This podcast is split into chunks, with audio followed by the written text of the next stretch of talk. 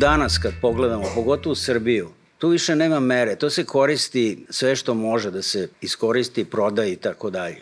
Ne govorimo o mineralnim resursima i rudarstvu, gde je danas Srbija prognozirana kao, kao rudarska zemlja. Šta se danas izvodi? Trupci. Idu svi u Kinu, sečemo šume, a Srbija ima negde oko 41% šumskog fonda.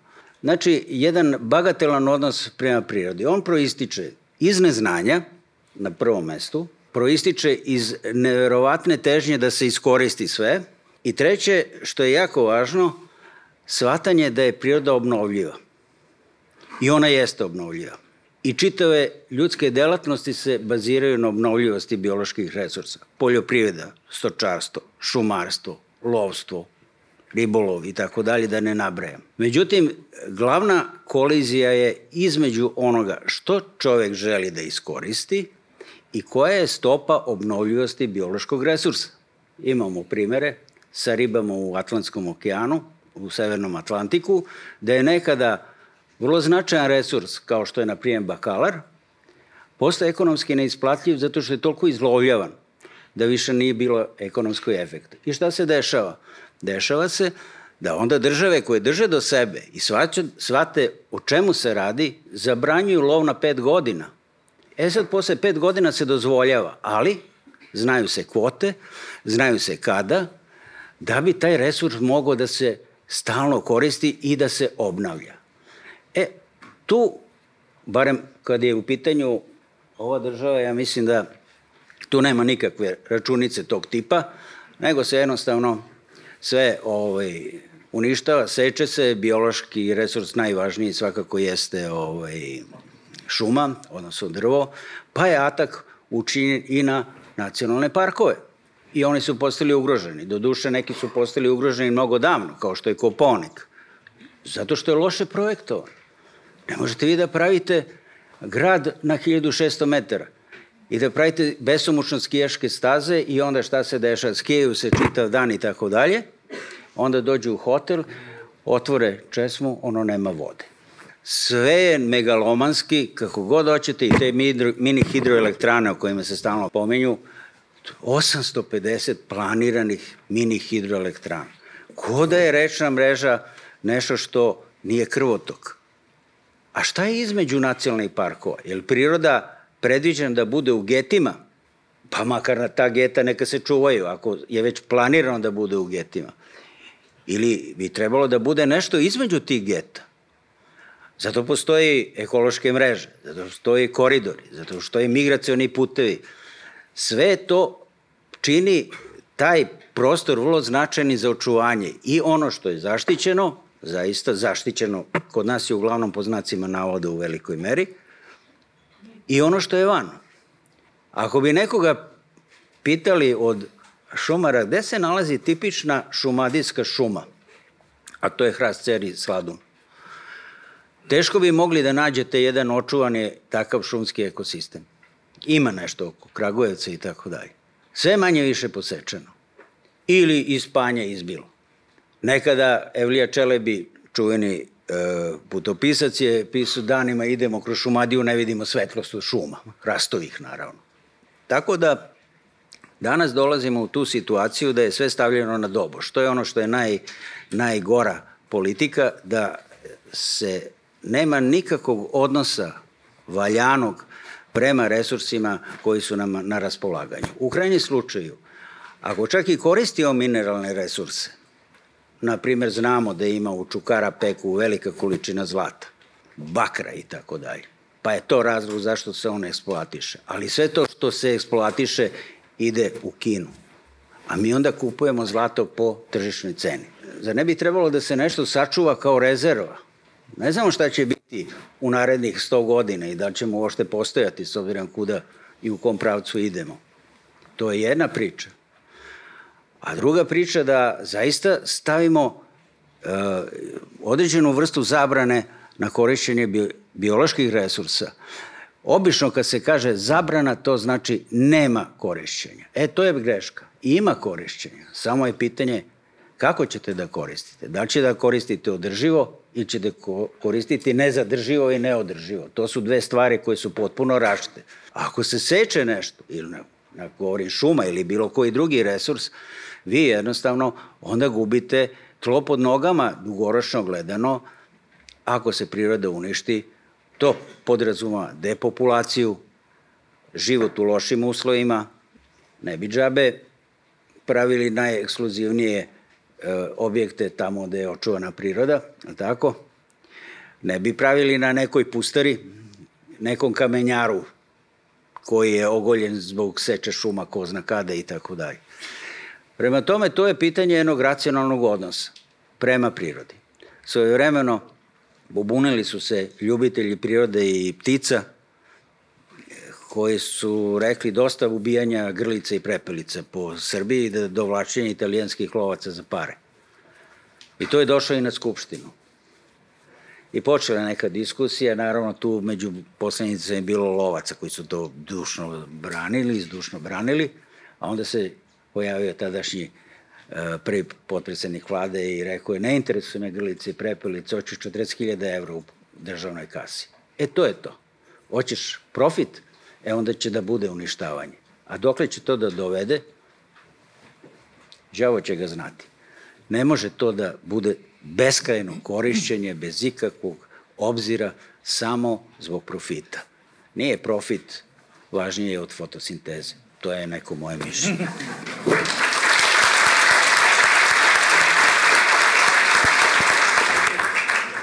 Ja bih započeo sa jednom izjavom izvršnog direktora Rio Tinta od predno 10 godina da moto kompanije u narednom periodu treba da bude borba protiv resursnog nacionalizma. Šta je on praktično rekao? Mi treba kao kompanija globalna, primarno britansko, australijska sa kapitalom iz još nekoliko zemalja, da se suočimo s činjenicom da će raznorazni domoroci u raznim zemljama da se opiru pokušajima naše eksploatacije mineralnih resursa.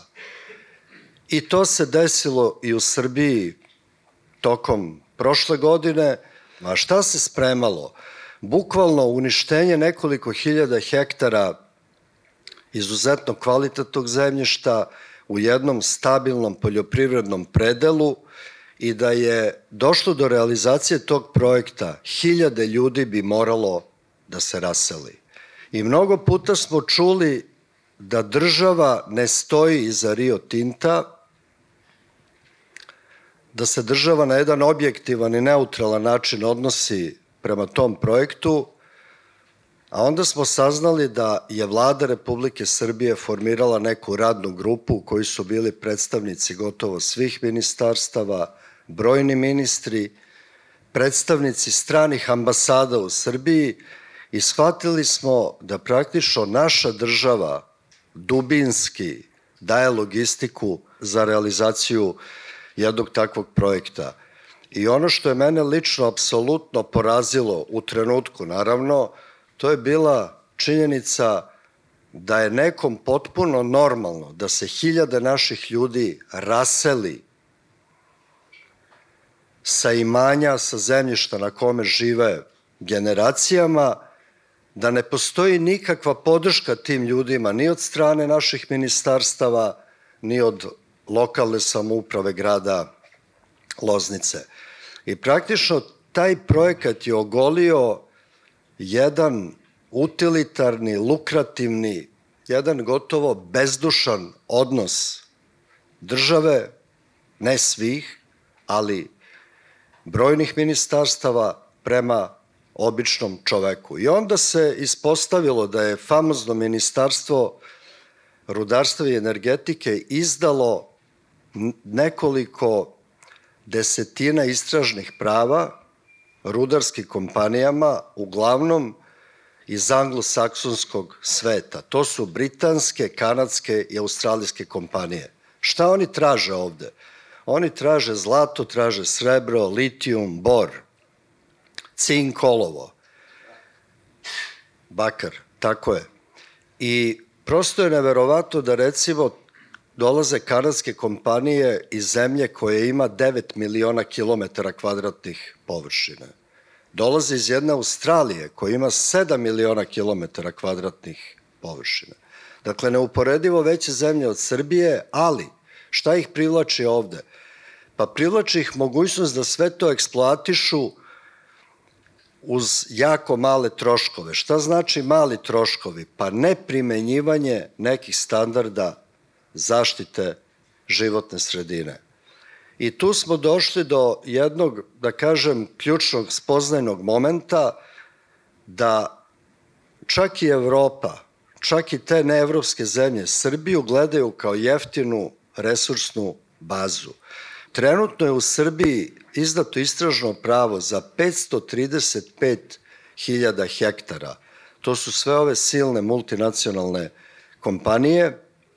Dakle, Srbija koja ima nekih 8 miliona i 800 hiljada hektara izdala istražno pravo za gotovo 535.000 hektara prostora da se istražuju svi ti redki metali i minerali. Šta znači istražno pravo?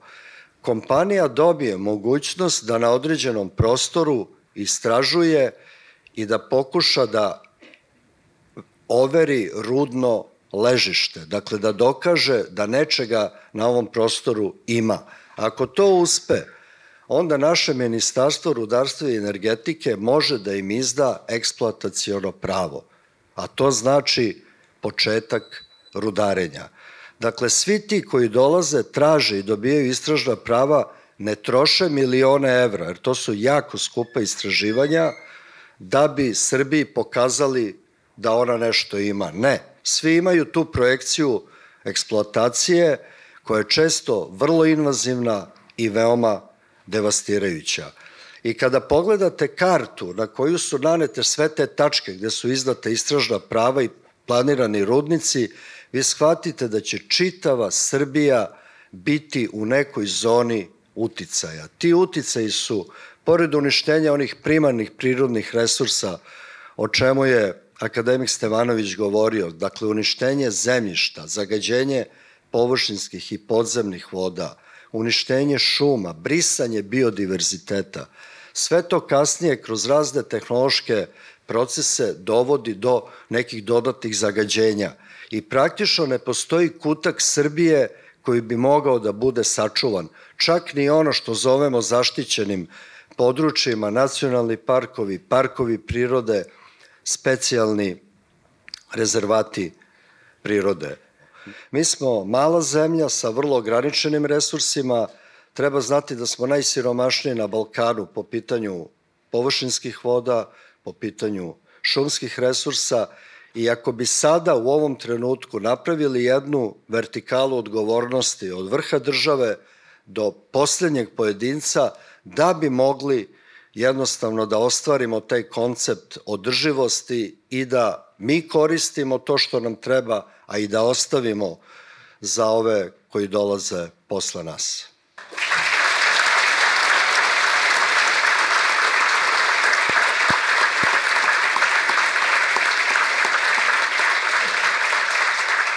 Verovatno ćemo mi do 3. aprila slušati kako nijedna vlast u Srbiji nikada pre ove nije ovoliko ulagala u zaštitu životne sredine i da zapravo sve ove kritike su neopravdane. I slušat ćemo kako će u narednih četiri godine, 8, 12 ili ne znam koliko, biti uloženo toliko i toliko milijardi evra da bismo mi jeli, sanirali sve ono što smo upropašćavali sve ove godine. Ali, uh, istorija ne može da se vrati unazad. Svi znamo i pričamo da će samo ovaj poglavlje vezano za ekologiju i prilagođavanje standardima Evropske unije da bi ovu zemlju moglo da košta minimum 15 milijardi evra. To su neke najgrublje moguće procene, a štete su verovatno među vremenu i veće, jer svake godine samo se tovare nove. I onda vi pogledate recimo da je nakon rebalansa, nakon što je rebalansom budžet Ministarstva za zaštitu životne sredine povećan za 3,6 milijardi dinara ili za 30 miliona evra, ukupan budžet tog ministarstva za prošlu godinu bio jedva 100 miliona. I sad vi poredite tih 100 miliona u odnosu na 15 milijardi koliko je u ovom trenutku za ostatak. Koliko nam treba da bismo postigli standarde od juče? A svake godine će verovatno potrebe i ovo sve što se dešava i svakodnevna zagađenja ostalo, samo vidimo da, da situacija postaje sve gora i gora. I mi već smo počeli svi ovde da ono ustajemo ujutru da gledamo, ove, palimo vesti, da vidimo da je neka nuklearka u Ukrajini otišla dođevala. I pri tome su sve mnogo veće od onoga u Černobilju koji pamtimo i dan danas. Setite se svi kako je izgledala najava dolaska kineskog Hestila u Smederevsku železaru, gde je predsednik države u jednom lagodnom intervju za nacionalnu javni servis kaže, pa oni tamo više ne smiju da zagađuju, doći će ovde. I to kaže u oči celoj javnosti. I sutradan, što je porazno, niko ni slovo. Niko na ulicu da izađe da kaže, znači, stop zagađenjima u Kini, ali u Smederevu može. Još gore je, ono što smo spomenjali ovde, neko je pomenuo masovnu seču šuma, izvoz debala ljudi, to je ekološki zločin. U 21. veku izvoziti balvane za Kinu, za Kinu i gubiti na taj način desetine, ako ne i stotine miliona evra, jer to drvo je na kraju krajeva neko ovde mogao da napravi nameštaj, pa ako treba da ga prodajemo, da prodajemo na, a, ma, bar hoklicu za vešanje. A ne debla, ono što je, ono, kako da vam kažem, to se radilo pre hiljadu godina. Znači, bila je potrebna sekira i vozi. E mi to danas radimo i to se prikazuje kao ogroman uspeh. I sad se postavlja pitanje, a ko je to omogućio? Pa neko jeste. To je omogućio onaj koji je zabrazio, zabranio izvoz pšenice, kukuruza i ulja, kojeg imamo milion tona viška. Zato što se prepao. Zato što hoće da se pokaže kao da neko ko štiti državne i interese građana, da oni ne ostanu gladni. U zemlji koja proizvede 3 miliona i 700 hiljada tone pšenice, a potroši milion i 700 hiljada, maksimalno. Imate 2 miliona tona viška. I vi u takvoj zemlji 3-4 meseca pred žetvu zabranite izvoz. I to zabranite izvoz seljacima koji nikad bolju cenu u životu nisu imali. I šta sutra, preko sutra da ta cena padne sa 35 na 20 dinara i sad seljak mora da proda pšenicu po 20 dinara, ko će biti kriv? Naša država na, naopako sve radi.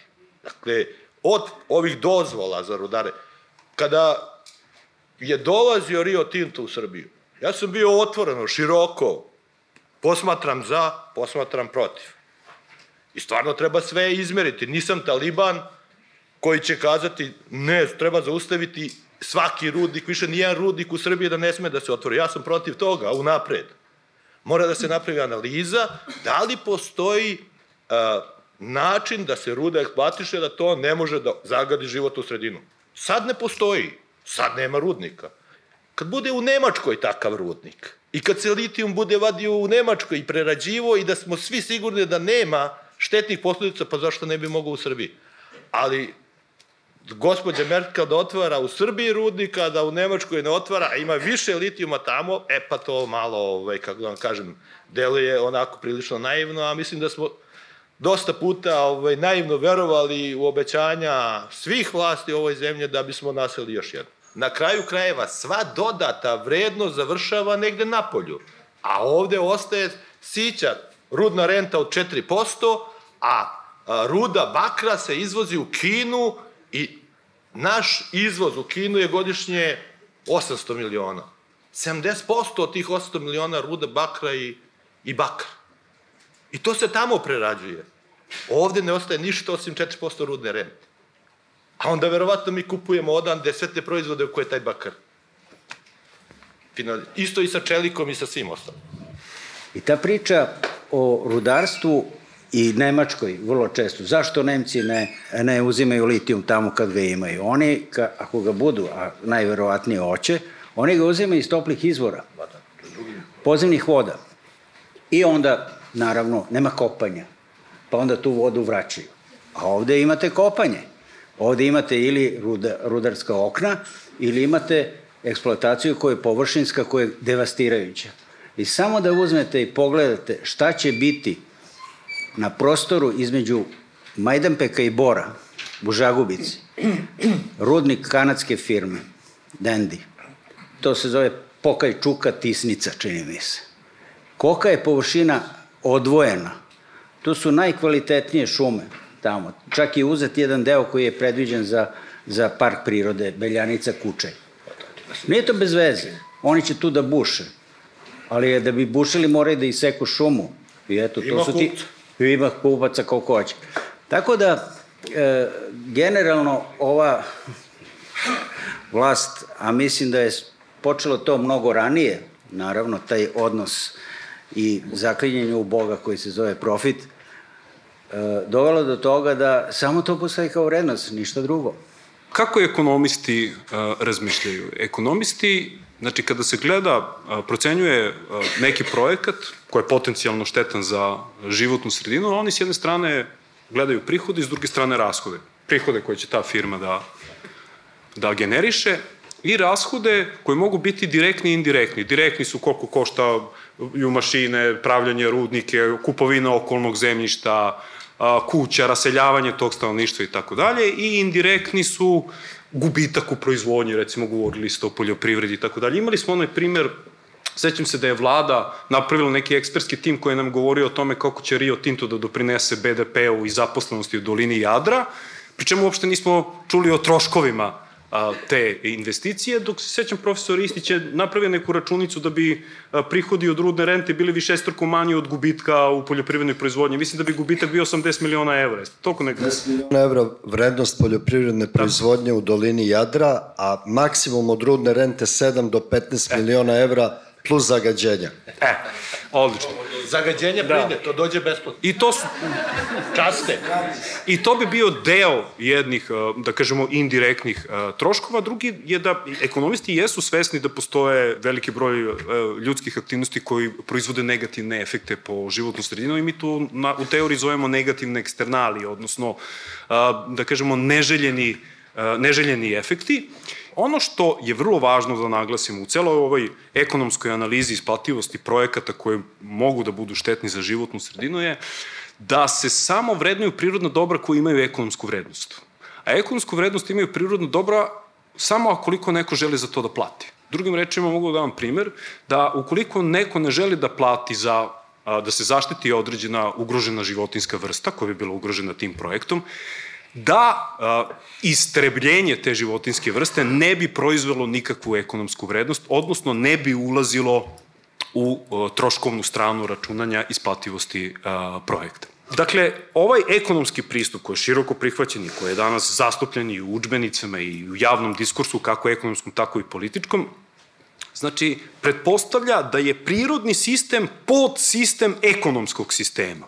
I 1992. Ujedinjene nacije javnosti predočavaju jedan zabrinjavajući izveštaj u kojima se prepoznaje da je svet u ozbiljnom ekološkom problemu, citiram, rupe u ozonskom omotaču, destrukcija tropskih šuma i močvara, istrebljenje, istrebljenje pojedinih životinskih i biljnih vrsta, akumuliranje ugljen dioksida i drugih gasova koji stvaraju efekat staklene bašte što vodi klimatskim promenama i globalnom zagre, zagrevanju, neodrživom crpljenju prirodnih resursa i tako dalje i tako dalje.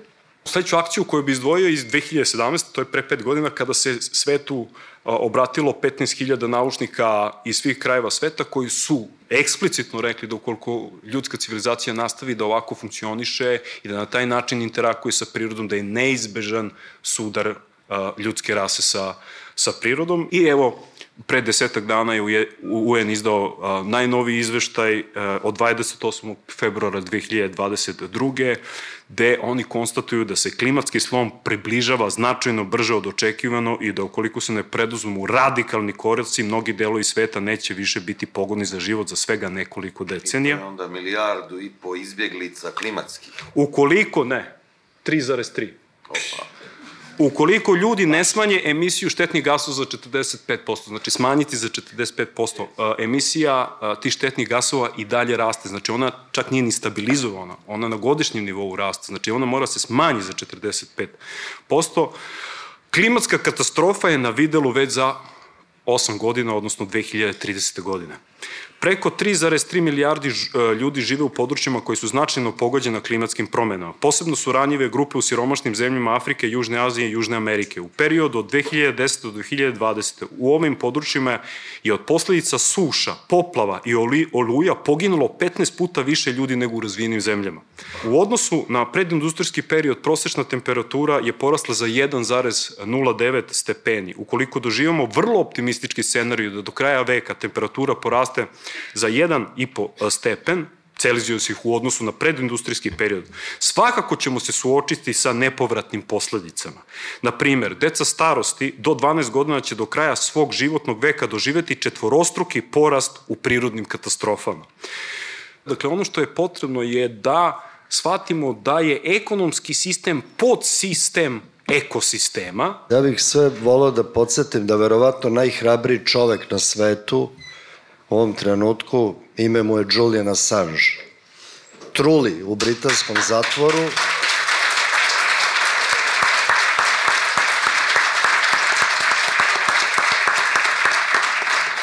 i čeka da ga isporuče Sjedinim američkim državama gde može čak biti osuđen i na smrtnu kaznu. A zašto?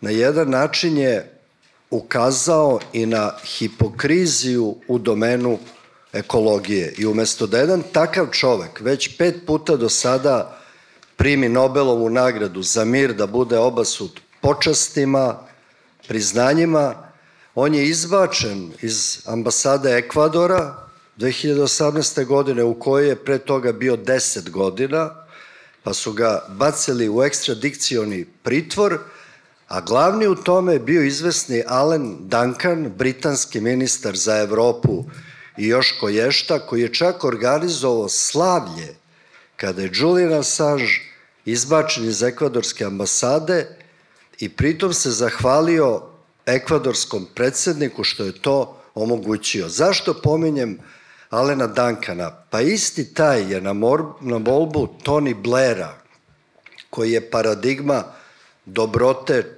čistote i iskrenosti, a koji je savetnik nekima u ovoj zemlji, ne znam zašta, dakle, taj Alan Duncan je organizovao promociju projekta Jadar i imao vrlo intenzivnu saradnju sa establishmentom Rio Tinta, a naša država je sa istim tim Alenom Duncanom imala vrlo kvalitetne odnose, pa je naša premijerka 2018. kada je bila u Londonu, kada je i ona srela establishment, top management u stvari Rio Tinta, rekla kako ona u tome vidi nove investicije, nova radna mesta i nove šanse za razvoj Srbije. Ako taj prosvećeni, korporativni, tehnologizovani zapad na jedan takav način tretira pojedinca koji se zove Julian Assange, onda jednostavno svi mi treba da se zabrinemo ne samo za sobstvenu sudbinu, nego za budućnost celog čovječanstva.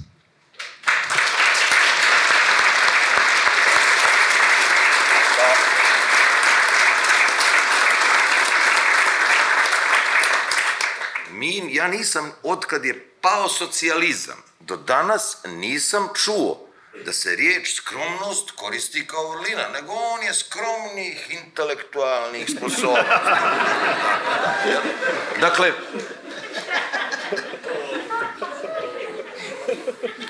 Dakle, dakle, svi smo, svi, dakle, mi svi moramo da znamo da je naša svijest likvidna i da je način kroz koji svakog od nas mogu da korumpiraju je o, kroz luksuz. Ok, to je broj jedan. Broj dva, društvo se ponaša kao najgluplji pojedinac, je li tako? Tako je. Ok. S obzirom da nemamo mogućnost, nismo u ovoj državi, ni ovdje, ni u Crnoj Gori, koja je ekološki po ustavu ekološka država, ali, nemamo obavezno glasanje. Mi smo ovdje žrtve praktično loše, raz, loše shvaćene demokratije. Ovde ljudi koji imaju nešto malo soli u glavi, oni preziru izbore zato što sjaši kurta da uzjaši murta. A tu poslovicu naravno je izmislila vladajuća klasa, jer se njoj isplati da ti ne izlaziš na izbore. Dakle, vi klinci koji dolazite poslije nas i tako dalje, na vama stoji da je prvo što treba da uradite, da krenete lobirate na svakom koraku da glasanje bude obavezno. Tako ćete smanjiti tu diskrepanciju između činjenice da je najmilije polupismenome čovjeku da izađe na izbore. To je dan, to je jedini dan u njegovom životu kad ga neko nešto pita. I on odlučuje. Jeste. A,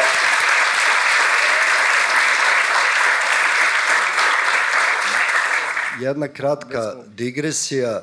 Dakle, mi smo imali neke delikatne ekološke probleme u prethodnim godinama i na neki način, iako je bilo puno skepse u početku da ćemo bilo šta uraditi, ipak smo nešto uradili. Recimo ove famozne male hidroelektrane i ovaj projekat Jadar i još neki projekti vezani za rudarenje.